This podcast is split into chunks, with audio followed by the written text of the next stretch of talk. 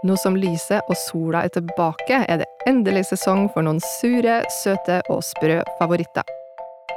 I denne episoden skal vi kose oss med deilig rabarbra, klassisk asparges med hollandes og jordbær både som en osteiskake og jordbærsalsa til biffen din.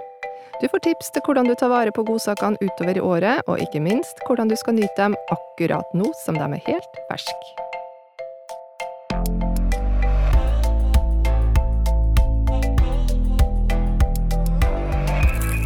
Det her er Matpratpodden. Jeg heter Lisa Ekli, og med meg i studio i dag har jeg matpratkokk Anette Fjelleng Hansen. Hallo! Hei!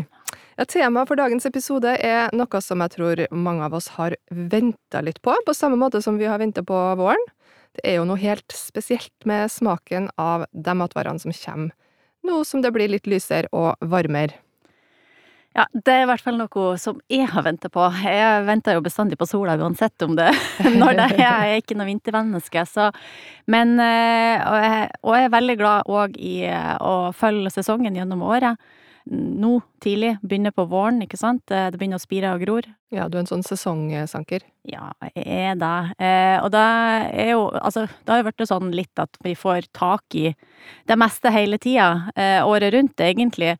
Men det er noe helt eget, syns jeg, å både kjøpe norsk, det er nå én ting, at man kan få tak i norske, de norske alternativene. Men òg ja, kanskje få plukka litt sjøl, få tatt hendene i jorda, skulle jeg til å si. Ja, det er veldig mye gode sesongvarer her som vi absolutt bør benytte oss av når vi har mulighet. Ja, og det skal vi slå et slag for i dag, for det er tre favoritter vi skal innom valgt på øverste hylle, og det er da asparges, rabarbra og jordbær. Tenker vi starter med forretten først, og da passer det jo bra med asparges. Ja, absolutt. Den har jo en sånn eh, ganske kort sesong. Altså, grønn asparges får du jo nærmest i butikken hele tida, men den norske grønne aspargesen, den er jo nå ifra mai, eh, juni. Og så har du jo òg den hvite, som har kanskje en enda kortere sesong. Eh, og den, den, er jo veldig sånn Det er et sikkert vårtegn for mange, da. For når den kommer i butikken, ja. så er det liksom Det er den man skal ha. Den grønne aspargesen er jo stort sett den jeg kjøper, men hva er det egentlig som er forskjellen på grønn og hvit? Altså først og fremst fargo. men det er jo da med hvordan de vokser. Den grønne den vokser jo over bakken. Og da får den jo fotosyntesen som er med på laget, ikke sant, og den blir grønn og får den grønne, fine fargo. Den hvite den vokser jo under bakken, oh, ja. og den blir på en måte høsta før den òg kommer opp. Så derfor får den jo ikke det her Får jo ikke muligheten til å utvikle det klorofyllet og liksom få den grønne fargo. Det er jo egentlig grunnen til at den er hvit. Ja. Den vokser jo i litt sånn Den er jo egentlig en strandplante som vokser litt sånn porøs og sand, jord med mye sand i, egentlig. Så hvis man skal dyrke det hjemme sjøl, så må man passe på å ha på en måte kanskje blandingsforholdet på jorda med mye sand i, da. Ja. Og de kommer jo opp år etter år, og du høster jo de unge skuddene kanskje først, men etter hvert så vokser jo planten seg ganske stor. I hvert fall hvis du har den en sånn hjemme i en hage eller sånn, eh, og får ganske store, fine blad og eller sånn Ja, den blir i hvert fall veldig stor og fin, da, mm. og med skudd som på en måte står opp i lufta, da. Ja. Men eh, i forhold til bruksområdet, da bruker du de grønne og de hvite på samme måte? Nei, altså Du kan jo spise de på en måte på samme måte med tilbehør og sånn, men du tilbereder de litt forskjellig. Ja. For den grønne, den er jo ganske mye tynnere i stelken. Eh, en helt fersk og, og, og, sånn, så er det ikke nødvendig å kanskje skrelle den engang. Eh, det du kan gjøre, det er jo den her berømte knekken, liksom, at du bøyer på aspargesen, og så dar det knekk. Det er der eh, du på en måte skal Altså, den knekker jo av seg sjøl, så du ja. slipper å kutte den. Men hvorfor er det egentlig sånn?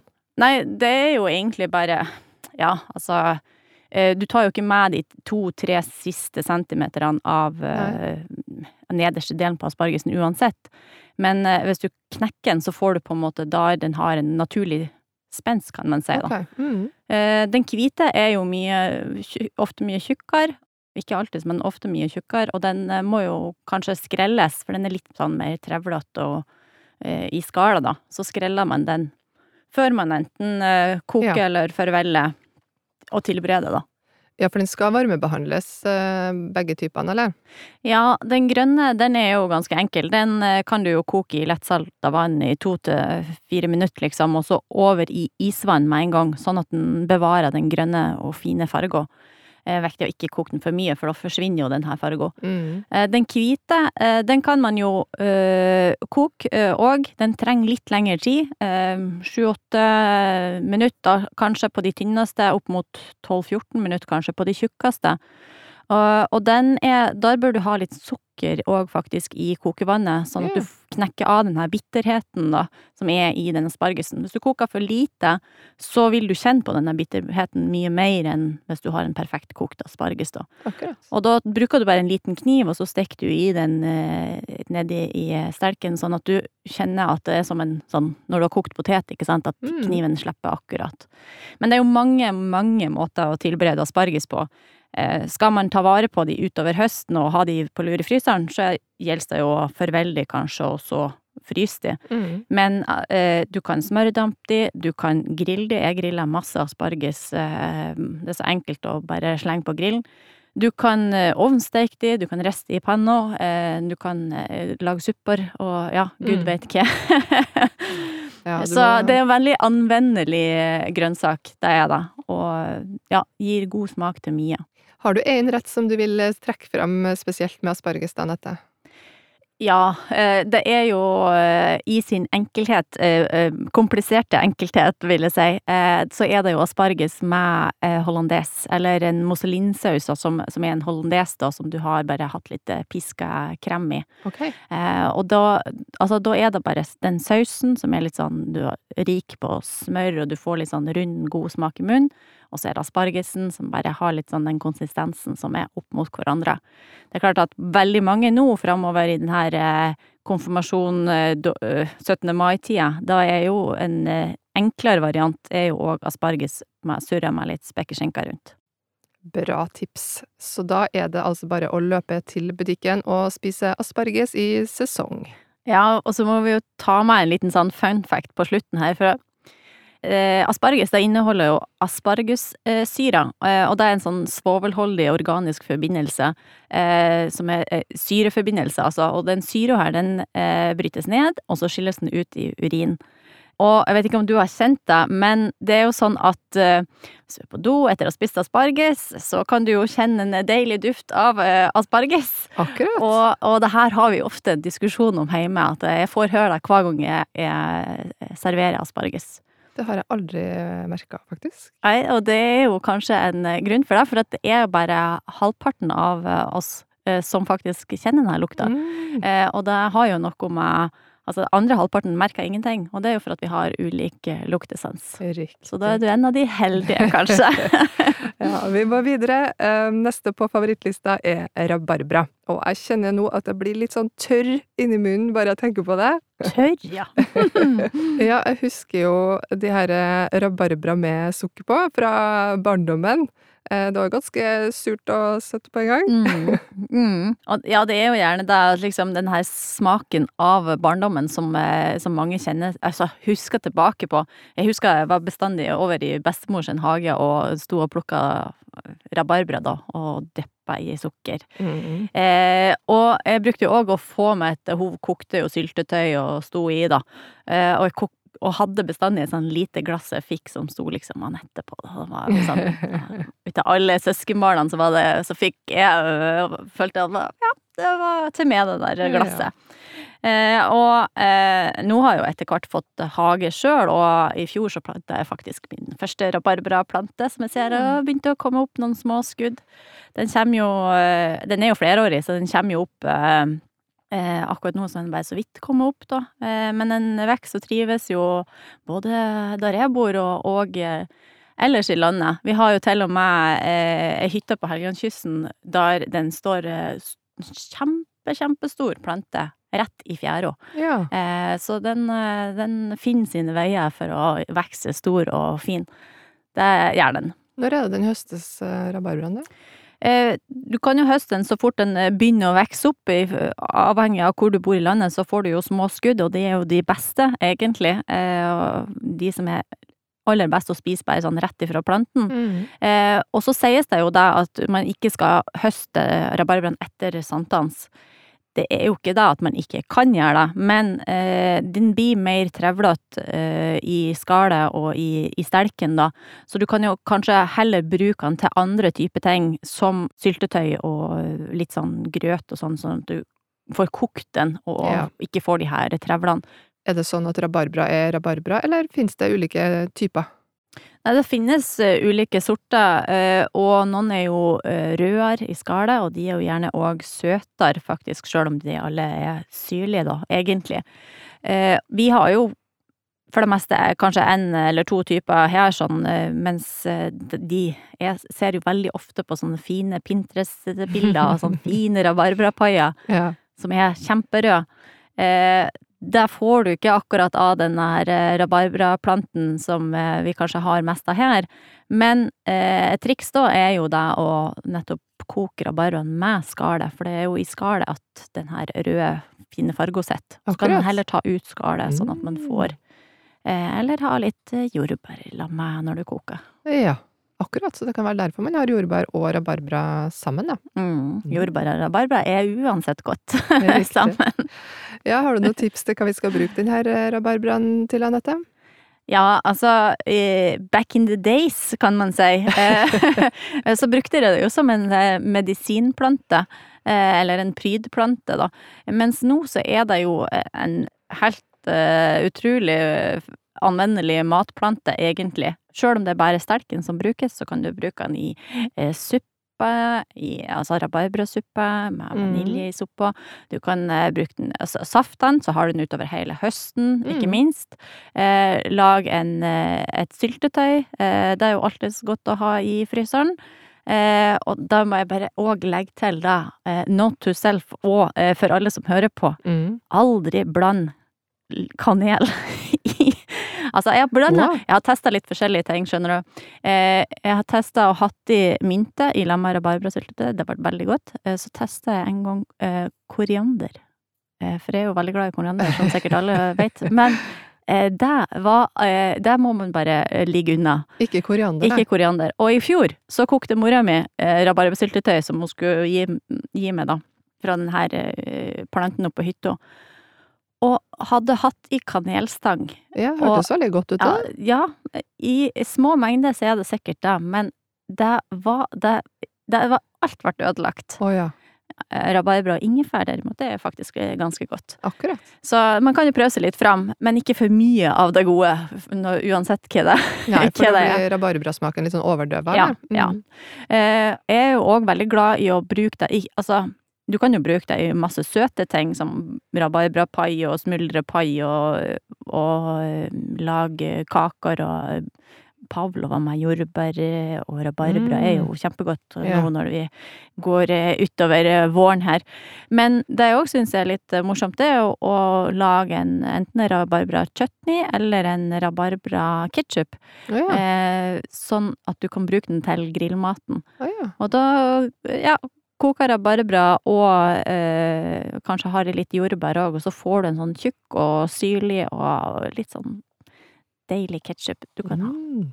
Så det er godt. Det er så mye. Altså, rabarbra er, tror jeg jo er min aller største favoritt. Ja, det er sikkert, sikkert vårtegn. Men nå er du over på de nydelige norske jordbærene, som er et eh, veldig godt sommertegn. Og det er i hvert Mhm. fall noe som mange av oss eh, ser frem til nå som det begynner å nærme seg. Ja, altså når du biter over den første jordbæra, som er den første norske jordbæra i alle fall, da, da vet du jo bare at det er sommer. Ja. Og det er jo noe man har lengta lenge etter. For jeg er jo helt overbevist om at eh, norske jordbær er helt spesielt god og søt på smak. Er det bare meg, eller er det faktisk sånn? Ja, altså man må jo man må ha lov til å si at det faktisk er litt sånn. De norske er best, og det, om det er bare for at vi, vi bor her og vi skal si da. Men eh, i alle fall så er det ganske mange grunner, tror jeg, til at den norske er veldig god på smak og, og sånn. Det er jo at vi har, vi har kalde netter, og så har vi lange, lyse dager. Mm. For den får liksom bruke lang tid på å utvikle smaken. Det er ikke sånn, det er ikke sånn kjapp, kjapp, kjapp produksjon, på en måte. Eh, den står der og godgjør seg, og, får liksom tid da, til å utvikle aromaen og smaken på den. Så jeg vil jo si at, uh, At det stemmer. at det stemmer. Ja. og uh, jordbær er jo kanskje den planten ut av de vi har snakka om nå, i alle fall, som har vært dyrka lengst i Norge. Eh, vikingene de spiste markjordbær, og de, de her sortene som vi kjenner i dag, er jo kryssa fram av, av sorter fra Europa og Nord- og Sør-Amerika som har kommet liksom til Norge, da. Og markjordbær er jo noe av det beste som fins. Ja, altså bare Hvis du gidder å, å plukke deg, hvis du finner et stort land Ja. og sånn, eh, så er det greit, å kalle det kanskje an, men eh, hvis ikke, så er det liksom tre stykker som står der, og tar de rett i munnen, så. ja. Men jeg har faktisk smakt markjordbærsyltetøy, og det smaker nesten godteri. Ja, igjen, hvis du gidder å, å ta det bryet, så er det så absolutt verdt det. Men i Norge så har vi jo en del andre jordbærsorter som eh, er litt mer vanlige, kanskje? Ja, det, den, eh, for de som ikke har fått det med seg, så jeg tror nok eh, så å si alle har fått det med seg, men det her er jo Det mest kjente er jo da kanskje korona. Mm. Eh, I en litt sånn positiv eh, forstand her, da, Mm. for den er jo eh, veldig, veldig god. Kanskje den beste, som er ut av de som er kjent, da. Eh, så har du jo Zephyr, eh, Florence, Polka, mange flere. Ja, når jeg har tatt med meg en sånn kurv eh, fra butikken, så er jo favoritten min å spise den på verandaen i sola med fløte og sukker. Hva gjør du, Anette?